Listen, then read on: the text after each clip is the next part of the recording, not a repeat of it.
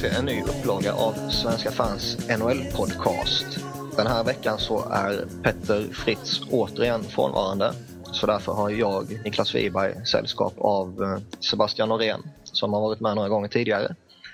Och Stefan Hacker, Pittsburgh-fantasten. Hallå grabbar! Tjena, tjena! Hej på er! Vi vi möttes ju den här morgonen av eh, nyheten att eh, St. Louis har kickat eh, sin coach Davis Payne och plockat in Ken Hitchcock. Den gamle veteranen som vann Stanley Cup med Dallas för många, många år sedan. Och som sedan dess har huserat i Philadelphia och senast i Columbus. Ehm, nu i Blues alltså. Vad tycker vi om det? Blues har stått och stampat ett tag så de hade nog eh, Payne på en väldigt short leash inför säsongen och sen när eh, eh, de började lite knackigt så sparkade de honom omgående. Ungefär som Chicago gjorde för ett par år sedan. Mm. Och nej. Hitch, Hitchcock är väl känd som en tuffing så de som inte kommer rätta sig efter hans pipa kommer nog att försvinna ganska snart. Det tror jag nog. Eh, de har ju en del eh, ungtuppar i laget där som sitter på en potential och talang eh, som är ruggigt imponerande men som inte lyckats få ihop hela paketet liksom. Och kan Hitchcock tillsammans med Blues veteraner typ Jason Arnott, Jamie Langebrunner och Scott Nicol få de här unga killarna att fatta vad det verkligen innebär att spela NHL-hockey så tror jag nog att det kan kan funka bra faktiskt. Eh, men som sagt, eh, det, krävs att eh, Hitchcock får med sig veteranerna. För det har man märkt när han var i, i Dallas och i Philadelphia så hade han ju starka ledartyper, lite äldre då, som verkligen köpte hans idé och, och bar fram laget. Och det var väl en av sakerna som inte riktigt fungerade i Columbus. Eh, så det ska bli spännande att se. Eh, kan, kan det bara riktigt långt för Blues då, om de får igång sina unga stjärnor? Det känns som att de är ett par år ifrån fortfarande tycker jag. Kanske, alltså de har ju varit liksom på gränsen till slutspelslag några år. Och de är ju uppenbarligen inte nöjda med det. Samtidigt är de inte beredda att riktigt spendera till capen eller så heller. Vilket ofta krävs för framgångar, känns det som i dagens NHL. Mm. De har ju lite eh, ägarproblem och lite försäljningsrykten och grejer med ju.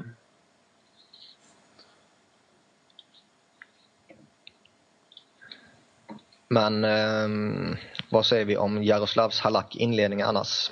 Det känns som att det är där eh, och kanske inte just i själva spelet i sig som det har brustit för, eller för St. Louis. Han har väl varit okej, okay, men inte mer. Liksom. Och de behöver en målvakt med absolut på topp om de ska kunna hävda sig. Ja, man fick kanske lite falska förhoppningar i, i fjol när han inledde så fantastiskt bra. Har vi något mer vi vill säga om Blues eller Hitchcock? Antingen Hacker eller Sebbe? Nej, det är väl bara att önska honom lycka till. Definitivt. Det är en coach jag har största respekten för faktiskt. Ehm, men ska vi gå vidare till ett av huvudämnena idag kanske? Ja. Ehm, I och med att vi har Hacker på besök så tänkte vi prata lite Pittsburgh. Ehm, väl alltid trevligt. Ju, Ja, det är väl delade känslor hos mig där.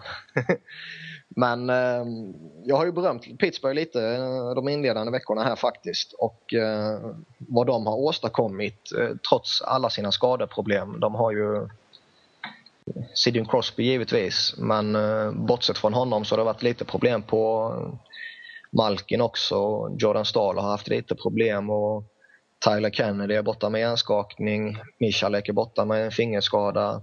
Brooks Orpik missade de första matcherna och liksom, det har varit lite tunga eh, frånvaro så här.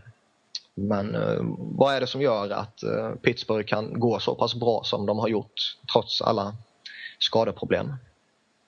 Alltså just vad gäller skadorna så känns det som att de är så vana vid att ett antal spelare är borta så att de tänker nästan inte på det utan bara kör på. Och de, Pittsburgh har ändå en relativt bred trupp. Man kan givetvis aldrig ersätta de här toppnamnen som Crosby och så vidare, eller Malkin när han var borta också förra säsongen. Men det är ett ganska välcoachat lag. De, de, alla spelarna vet vad de ska göra ungefär. Så att eh, de går bara ut och kör. Dessutom så har de fått upp en vana att vinna. Och det är nog väldigt underskattat eh, överhuvudtaget i NHL. Att många unga lag och så, de, de har liksom inte riktigt lärt sig att vinna. Och vi pratade om Blues tidigare. Jag skulle säga att det är lite av ett exempel på ett lag som inte riktigt vet hur man vinner det.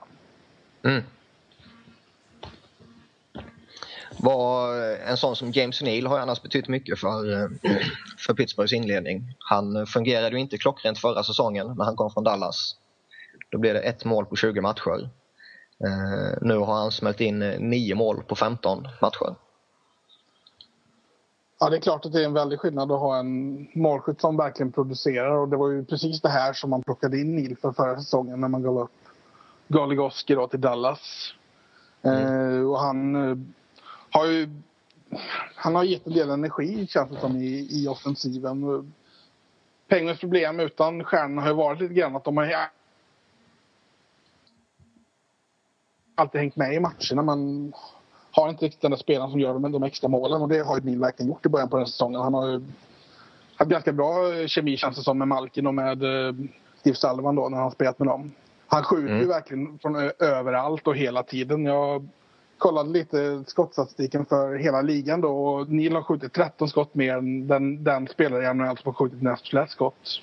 Och det säger lite om uh, vilken typ av spelare han är. Mm. Um, är det James Neal som i mångt och mycket ligger bakom att Pittsburghs eh, powerplay nu fungerar bra? Eh, nej, det är nog snarare att Malkin är tillbaka i alla fall. Att han har spelat drygt hälften av matcherna. För att powerplayet har varit ganska dåligt de matcher Malkin inte har varit med. Och mm. relativt bra. De klickar väl runt 21 procent sådär eh, sammantaget då. Mm. Eh, men skill skillnaden med, när Malkin är med och inte är liksom 15 procentenheter så att eh, då får man nästan säga att det, det handlar mer om det. Det är ryssen vi får lyfta fram där helt enkelt. Ja. Vad, vad är senaste snacket om Sidney Crosby då? När är han tillbaka? Ja, det är ju ingenting officiellt men det har ju känts som att det hela tiden har hintats att eh, på fredag så smäller det. Och, eh, väldigt, väldigt många hoppas på det i alla fall. Att, eh, det har hela tiden känts som att eh, Crosby har behövt en del träningar och även en del träningar med kontakt och så. Liksom. Men Pittsburgh har haft ett sånt oerhört intensivt schema. De, spelade ju, de har spelat 15 matcher, vilket är mest av alla i NHL. Och de började säsongen med att spela eh, nio matcher på 15 dagar, tror jag det var. Så det har inte mm. blivit så mycket träningar heller, även om han har varit clear för kontakt då, i några, ett par veckor nu. Men nu ska han ha möte med läkarna här idag, tror jag. Han åkte tidigare tillbaka till Pittsburgh från Kalifornien då. Eh, så vi får se här om, eh, om det blir någonting av det på fredag. Annars så finns det väl... Det känns som att det inte är långt kvar i alla fall. Nej, definitivt. Och det ska bli väldigt eh, spännande att se honom tillbaka och framförallt se honom få första saftiga tacklingen. Hur frälsaren ja. kan stå tillbaka, eller stå emot den. Det känns ändå som att de kommer inte låta honom spela utan att han verkligen är redo för, för att spela på, till 100 procent igen. Man Nej, de, har ju de... hela tiden varit noga med att man ska vara försiktig. Och, alltså, jag är inte så superorolig, men det är klart att eh, folk kommer väl rycka till lite grann när han, när han blir tacklad för första gången. Sen är Crosby en spelare som är väldigt, väldigt svår att tackla, ska man komma ihåg. Alltså, det, det är inte många som hinner med. Nej, han är, han är skicklig på att undvika dem. Det är han. Men eh, hjärnskakningar är ju ett, ett gissel och det räcker med en saftig tackling. Sen kan han ligga där och vara borta i sex månader till. Eh, vilket vi som hockeyälskare givetvis inte alls vill se. Men eh, risken är överhängande och det är någonting han eh, nästan skulle kunna få leva med resten av sin karriär också. Uh, Sebbe, du har varit tyst länge nu. Ja, Vad tycker du om nej, uh, Pittsburghs inledning? tänkte det är lika bra att låta experten tala. Nej, jag tycker det är riktigt imponerande. För jag menar, alltså, i alla lag saknar ju en sån spelare som Crosby om han är borta. Och även Malkin som jag tycker är en, en helt fantastisk spelare. Um, så det är, det är imponerande. Det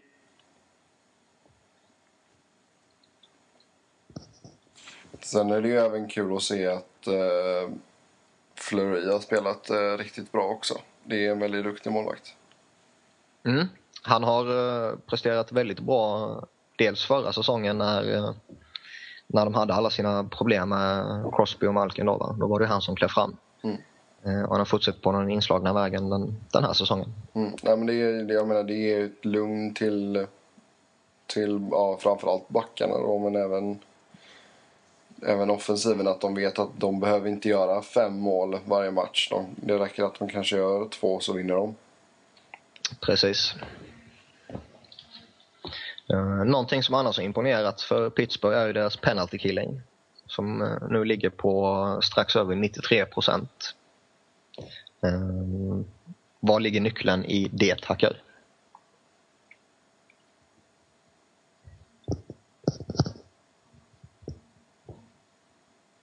Nu har vi tappat han igen va? Jag är med här. Du är med? Nu hör vi dig. Jag är med. Ja. Eh, Penguins har ganska rutinerade penalty killers som, som vet vad de, vad de ska göra och har gjort det väldigt länge. Jag tänker på forwards som Cook och Dupuis, Craig Adams. Eh, Stahl är också en, en väldigt duktig penalty killer och sen backarna är också relativt säkra. Och sen handlar det också om Fleury som sagt som eh, har varit, som fortfarande inte har varit inne på ett powerplay-mål faktiskt. Mm. Um, en sån som uh, Michalek var, alltså det, det är ju en spelare som, som ni båda känner till efter han har gjort några år i Phoenix också givetvis va? Yep. Vad, vad innebär eh, och vad betyder han för ett lagbygge?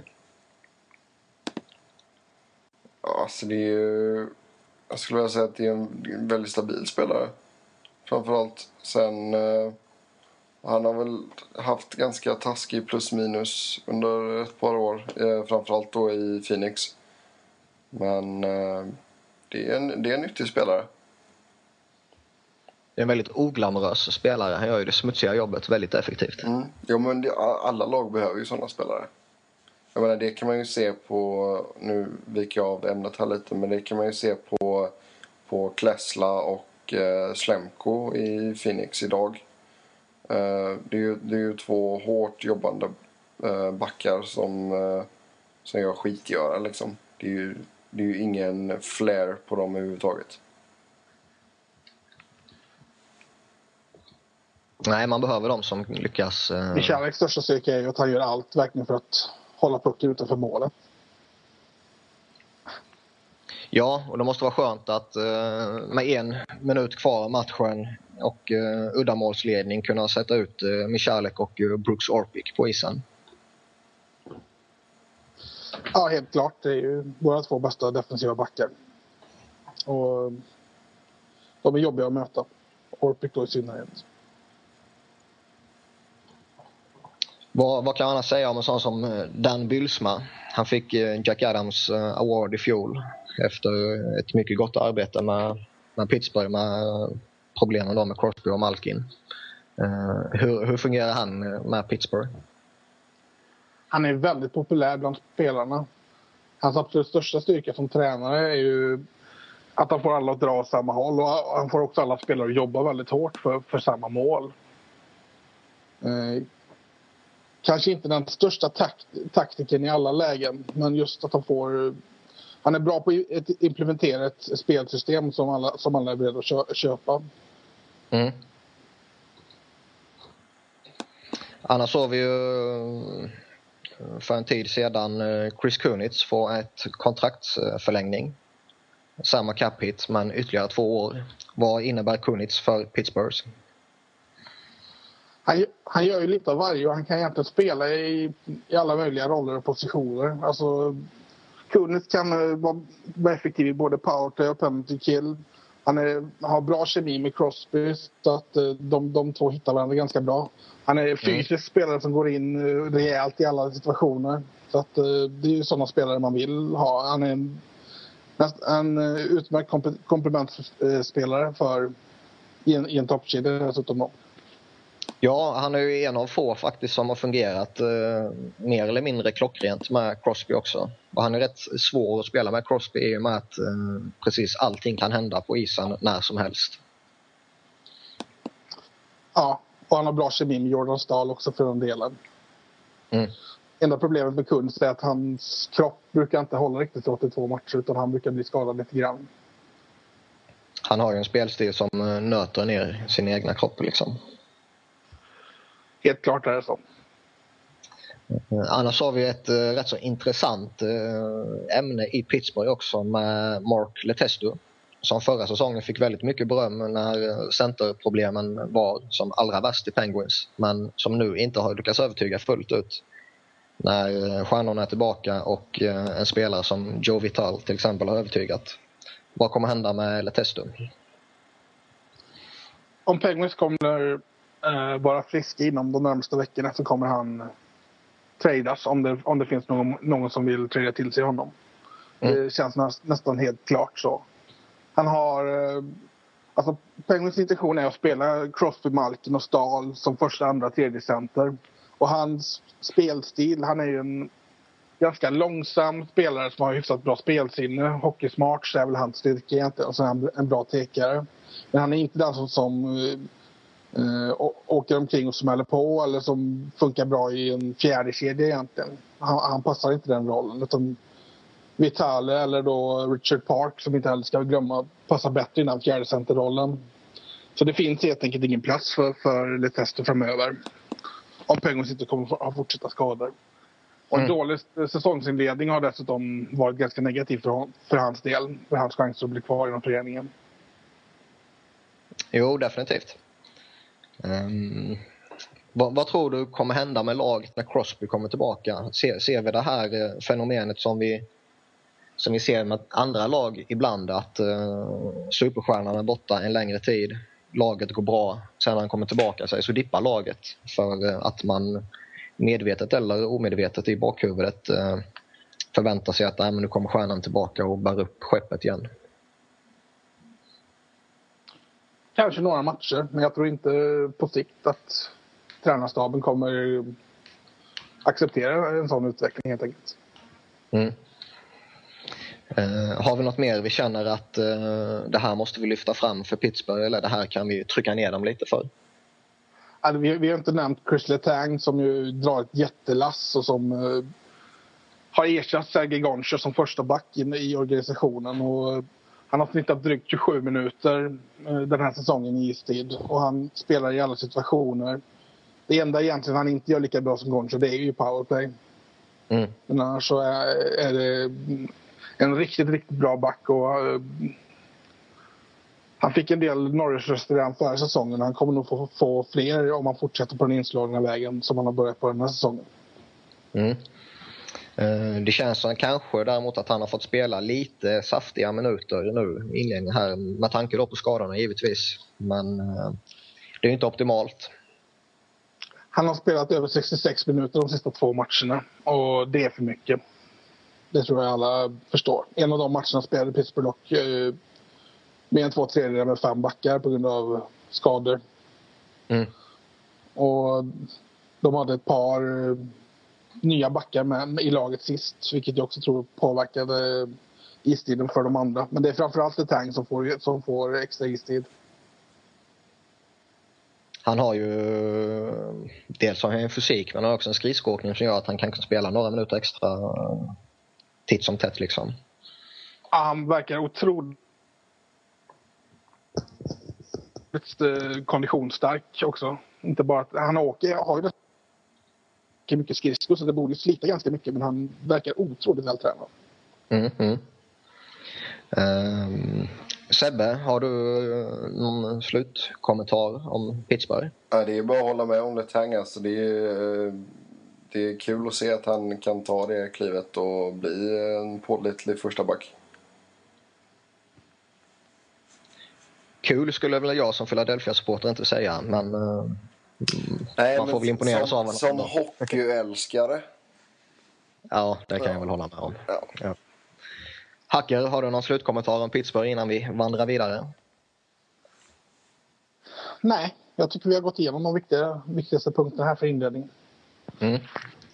Då gör vi så att eh, vi tar klivet vidare till Boston. De regerande Stanley Cup-mästarna som eh, de första få matcherna på den här säsongen eh, ändå visade hyfsade intentioner men eh, sedan dess har det gått eh, ja, dåligt om man ska vara, uttrycka det milt. Och eh, för tillfället ligger de sist i Eastern Conference. 10 poäng efter 12 matcher. 34 gjorda mål, 28 insläppta. Vad är det som är fel i Boston? Alltså det är väl den klassiska Stanley Cup-hangovern. Det, det, jag menar, de borde inte ha inlett så dåligt som de har gjort. Men samtidigt så är de inte så många poäng bakom heller. Nej, du är ingen Columbus-inledning. Nej, det är det absolut inte. Ehm, men eh, jag menar, nu fick man ett bra resultat emot uh, Toronto här senast, 7-0. Och man vann även matchen innan det mot Ottawa. Så uh, jag tror ändå så att de kommer sakta men säkert att börja jobba sig uppåt i tabellen. Jo, det tror jag också. Och uh, de har ju inte haft några alltså, betungande skadeproblem inledningsvis heller. Mm. Men däremot är det några stjärnor som kanske inte levererar på det sättet som man förväntar sig att de levererar. Vi har ju en David Krejci som har gjort 2 plus 2 till exempel. Nathan Hornton 2 plus 3 och han säger själv att han fortfarande inte känner sig helt eh, bekväm efter den skadan han åkte på i slutspelet när eh, Vancouvers eh, Aaron Rome eh, körde över honom. Eh, däremot har vi ett stort glädjeämne i Tyler Seguin. Den unge talangen som har smält in 7 plus 7 på 12 matcher. Ehm, vad har vi att säga om eh, den här lille centern, Hacker? Ja, att han är snabb och teknisk. Och att eh, han förra säsongen egentligen inte riktigt fick chansen att visa vad han kan därför att han fick väldigt begränsad istid och fick spela i mycket en undanskymd roll. Och eh, jag tror därför också att han är fräschare än vad många av de andra spelarna som, som spelade mycket mer förra säsongen är. Det borde han definitivt vara. Mm, vad säger vi annars om Tim Thomas? Den eh, gamle målvakten som gjorde en sån fantastisk säsong i fjol. Kommer han hålla ytterligare något eller några år? Ja, det kommer han säkert att göra, men jag tror att han kommer inte ligga på samma nivå som han gjorde förra året. Det, det, kan du, det, det tycker jag inte man kan begära av en 37-årig målvakt. Mm. De har, de har ju en, eh, en väldigt duktig eh, backup i Tuka Rask men eh, av någon anledning så fungerar inte laget fullt ut när det är Rask de sätter mellan stolparna. Um, vad tror ni det kan bero på? Jag tror inte att de fattar det riktigt själva heller faktiskt. Eh, för två år sedan så, så petade ju faktiskt Rask eh, Thomas och fick, fick spela i slutspelet. Eh, alltså, jag tror Rask fortfarande är en, en bra målvakt. Jag tycker inte han är, är så himla dålig när han får spela heller. Men eh, Bostons, om Boston har ett problem så är det att de har lite problem med målskyttet ibland. Och det verkar ju vara i synnerhet när Rask står av någon anledning. Ja. Ja, för tittar man på de inledande matcherna. Det är ju inte så att de har, eh, de har åkt på storstryk i någon av matcherna. Absolut inte. Jag tror de har förlorat med tre mål som mest. Mm. Ehm, så det är det målskyttet som, eh, som saknas. Vi har ju de senaste, senaste veckan, senaste två veckorna här kanske eh, hört lite, lite rykten från Boston att eh, de eventuellt vill göra någon form av eh, trade för att väcka laget igen. En spelare som har lyfts fram i de här trade-ryktena är ju Milan Lucic, den tunga powerforwarden. Är det en spelare som Boston ska göra sig av med? Eller är det en spelare som de kan få ett väldigt bra utbyte för? De kan säkert få ett bra utbyte för honom men de har ingen annan spelare som kan gå in och ta den rollen som han spelar. Så jag fattar inte varför de skulle trada iväg honom egentligen. Nej, det, det, där håller jag verkligen med. Och han är en bra ålder också och han utvecklas fortfarande. Så det, det, jag tycker verkligen inte att de ska göra sig av med honom. Nej, och han har ju en förhållandevis eh, överkomlig capita också på strax över 4 miljoner vilket är helt okej okay, liksom, med tanke på vilka kontrakt som delas ut nu för tiden. Eh, så jag förstår inte heller varför man vill göra sig av med honom. Eh, de har ju faktiskt eh, en hel del cap space att kunna plocka in förstärkningar till också utan att behöva göra sig av med någon högavlönad spelare. Men om det är någon spelartyp som Boston skulle behöva, vad känner ni det skulle vara? Ja, det skulle vara en, en riktig sniper i så fall. Mm. Men samtidigt så vet vi att det är alltid svårt att, att få, liksom, få en sån spelare till laget utan att, att ge upp någonting riktigt bra. Så är det definitivt. Mm. Så det är, det är frågan hur mycket man är beredd på. Vilka säga. Vad sa du? Phil Kessel tänkte jag säga, som han ja. har gjort sig av med då i så fall. Phil, Phil Kessel. Ja, men du håller med om att det är en målskytt eh, de behöver få in? Alltså i den bästa världen så skulle de ju vilja ha in en toppcenter, tycker jag. Mm. Jag tycker både Krejci och Bergeron är bra andra center men ingen riktig första center. Nej, det, det funkade ju väldigt bra för dem tidigare med Max och Ward i den rollen. Men det känns väl som att eh, hans karriär är nog rätt körd. Eh, ändå har han kontrakt till 2017.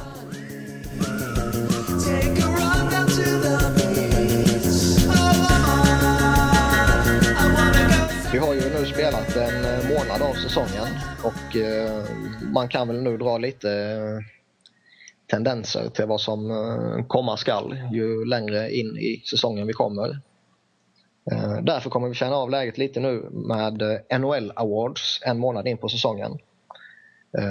Vi börjar med Hart Trophy, det vill säga mest värdefulla spelaren. Förra säsongen gick den till Corey Perry, Anaheim. Sebbe, vad är ditt val där? Ja, det är väl inte någon jätteskräll, men Phil Kessel har jag. Det är, som sagt, det påpekar nu, det är bara under den här första månaden. Um, han har ju burit hela Leafs, äh, Maple Leafs offensiv på sina axlar och äh, tio mål, det är, det är riktigt bra gjort. Det är ruggigt bra. Ehm, um, Kessel var mitt val också. Uh, och som sagt 10 mål och 11 assist på 14 matcher. Det är ju riktigt fint. Sen tror inte jag han kommer hålla hela säsongen som jag har nämnt lite tidigare veckor också. Men det är en annan femma. Ja exakt och det var därför jag ville påpeka det. Det gäller bara denna månad. Ja. Eh, Hacker, vad har du för Hart Trophy-val?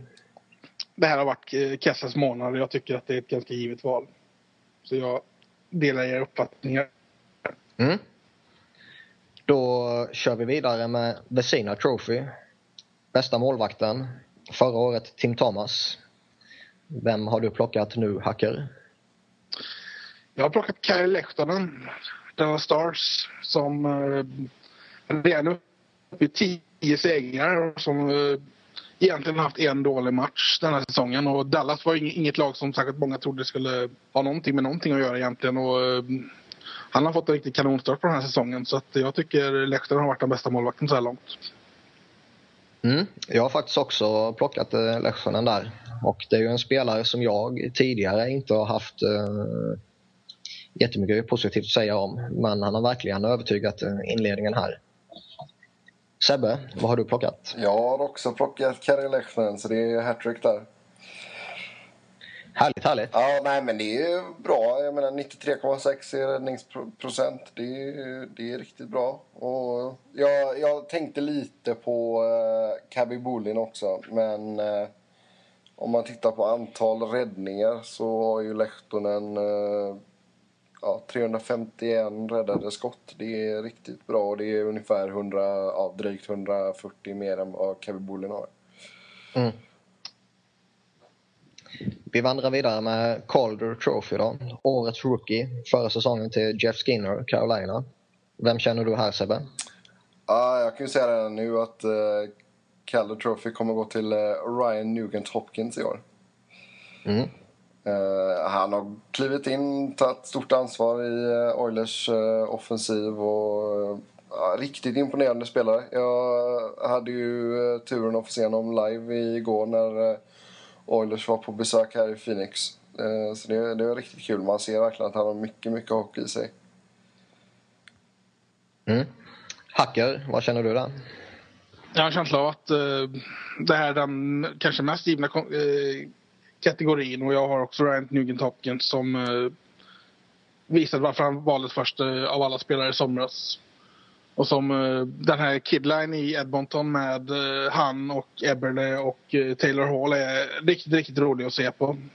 Så att Edmonton börjar kännas relevanta igen och det har de inte gjort på ett tag. Mm.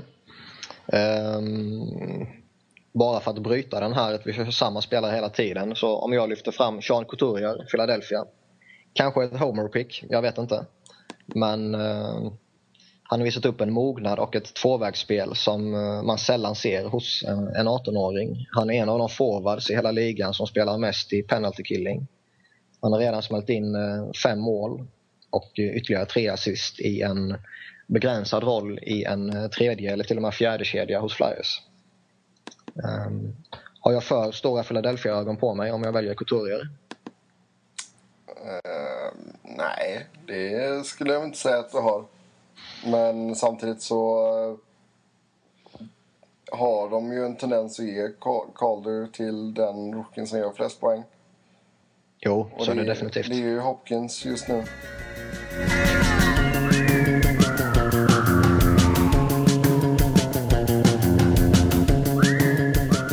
vi har haft lite tekniska problem här nu så Stefan Hacker har tyvärr fått lämna oss för resterande del av programmet.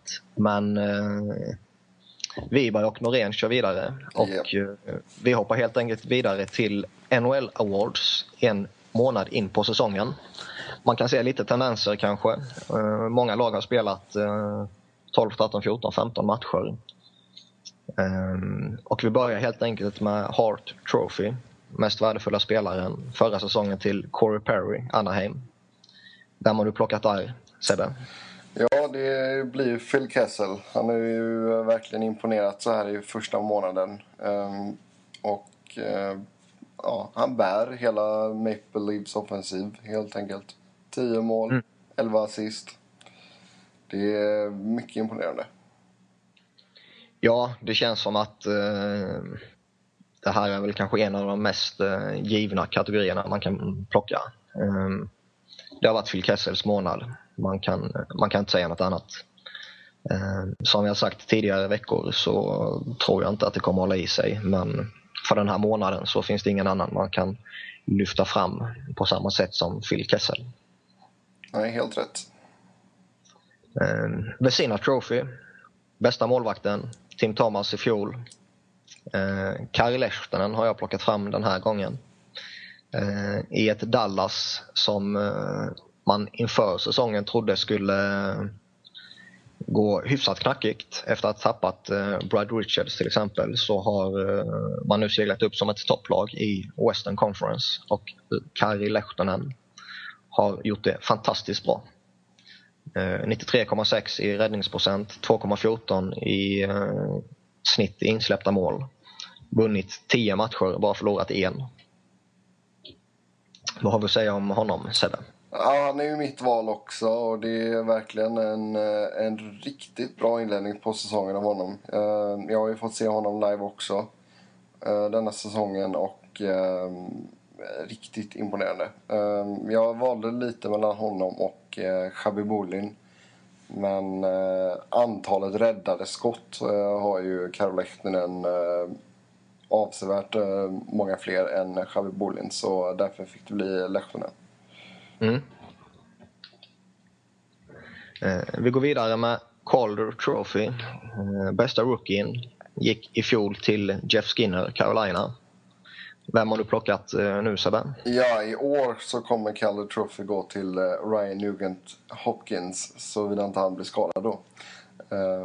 Han har klivit in i Oilers och imponerat. Han har tagit stort ansvar i deras offensiv och han leder ju eh, poängligan för eh, rookies. Mm. all heder åt Nugent Hopkins. han har gjort det väldigt bra givetvis i ett Edmonton som kanske är lite på uppståndelse igen. Eh, jag vill däremot lyfta fram Sean Couturier, Philadelphia. Och det är kanske ett homer pick, det är jag mycket väl medveten om. Men eh, han har visat upp en eh, mognad och ett tvåvägsspel som man väldigt sällan ser hos en 18-åring. Han har redan smält in eh, fem mål och eh, ytterligare tre assist. Han har plus nio i en eh, relativt begränsad roll hos Flyers där han är väldigt ofta får spela i en tredje kedja eller kanske till och med en fjärde kedja. Eh, och en av de forwards i ligan som spelar mest i penalty killing. Så jag, jag vill berömma han lite. Sen är det, det, det är oftast poängskörden som avgör för eh, Calder Trophy-racet. Ja, där har ju Nugent Hopkins en klar fördel. Ja, det brukar ju vara det. Och eh, jag menar, det, det kanske inte är så mycket av ett homer-pick. Du ser ju mycket av deras matcher och jag menar, spelar han så bra som du säger så tror jag absolut det kan vara ett bra val. Men eh, det är oftast den som har flest poäng som eh, tar hem det. Och jag tror att det kommer vara... Det, är så. det kommer nog vara Nugent Hopkins. Eh, jag hade ju chansen att få se han live igår. När Oilers var på besök här i, i Phoenix. Och är, han har väldigt mycket hockey i sig den lilla pojken. Mm. Det sägs ju annars att deras eh, första kedja här med eh, Eberle, Hall och eh, Nugent Hopkins eh, kan bli väldigt gnälliga. Såg vi något av det eh, senaste matchen? Ja, alltså... Eh, jag pratade med Oliver Ekman Larsson eh, och eh, de hade pratat om det innan matchen att eh, de skulle ligga på och vara riktigt tuffa mot den här kedjan. Och eh, Taylor Hall åkte ju på ett par riktigt goda tacklingar. Ehm, så eh, taktiken funkar ju bra där i och med att eh, Phoenix tog hem matchen. Mm. Eh, vi lämnar Rookies och går vidare till Norris Trophy. Det vill säga bästa försvararen. Förra säsongen gick den till Niklas Lidström, Detroit. Den levande legenden. Eh, vem har varit den bästa försvararen hittills, tycker du? Uh, jag skulle vilja säga att Chris Letang har varit bäst. Eh, mm. än, än, så länge. Ehm, det var som vi pratade om tidigare i programmet att han, eh, han har tagit det här steget och ehm, klivit fram som en eh, bra första back i, i Pittsburgh. Och sedan har han tagit mer av en, en ledarroll. Han är inte så gammal men ändå så lite mer av en ledarroll i Crosbys frånvaro.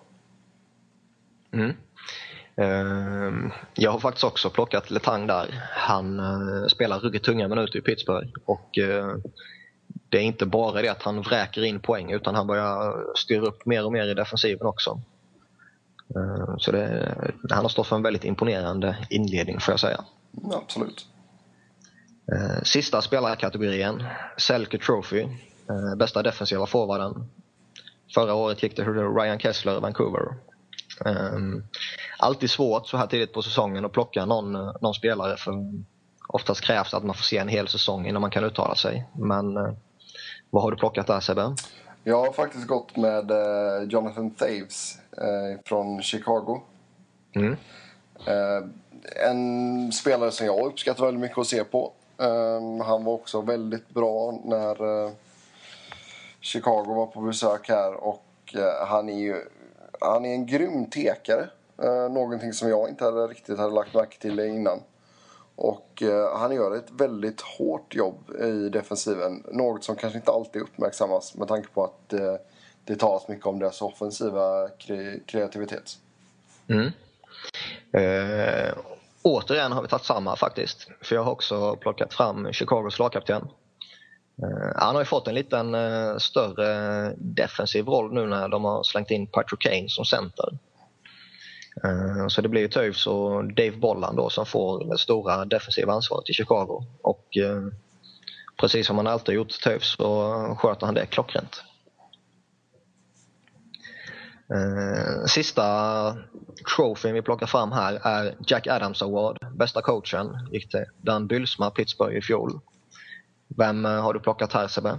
Ja, här kommer ju mitt uh, Homer-pick så att säga. Jag har ju tagit uh, tippet ifrån Phoenix.